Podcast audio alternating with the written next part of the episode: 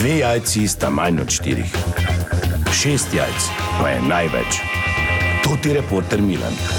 Od krivice do resnice.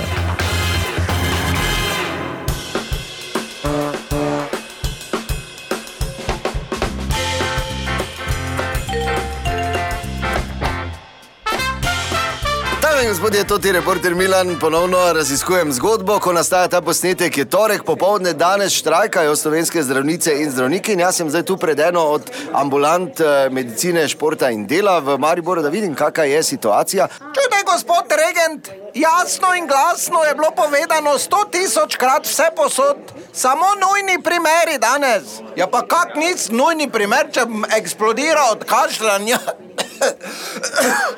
Vsaki del telesa boli. Pravim vam, to ni nujno. Ja, kdaj pa bo nujno? Kaj, ko mi bo Pepo na pobrežju vsem znano melodijo zažbelal? Kako melodijo? La, la, la. Toto. Maknite se, gospod regent, ker so nujni primeri na vrsti. Dober dan, gospa sestra, Ja, to ti prosim. reporter Milan, to ti radio zmenjencem zdravnikom. Ja, kar naprej. Ja, izvolite. hvala, hvala. Kaj je to, sestra, zdaj so neke, to te stare fore, zdaj on enkrat priža z mikrofonom, pa tako se vidi, da je sklopljeno, vse skupaj, pa zdravko riba, pa not. Te pa nič, te pa uh, se predstavljam, jaz ne regent, uh, drugi dnevnik RTV Slovenija. Kak drugi? Ti dnevnik drugi, ko je za odrasle. To, ko so resne teme, pa resni novinari. Not. Lepo vas prosim, odstranite se, pa ne delajte gužve.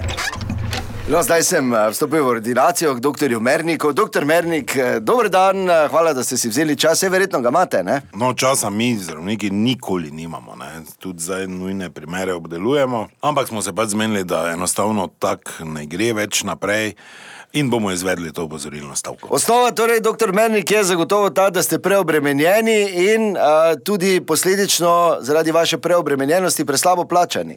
Dobro, jaz bi izpostavil vseeno drug problem. Ne? Vlada oziroma ministerstvo je z nas naredilo grešne kozle, oziroma naša javna podoba je vse prej kot dobra.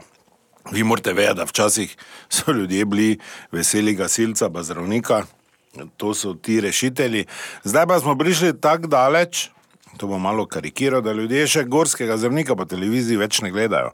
Ker je en napisal, da naj bi bila mama zlava munda z Dravograda, pač slovenskega dela.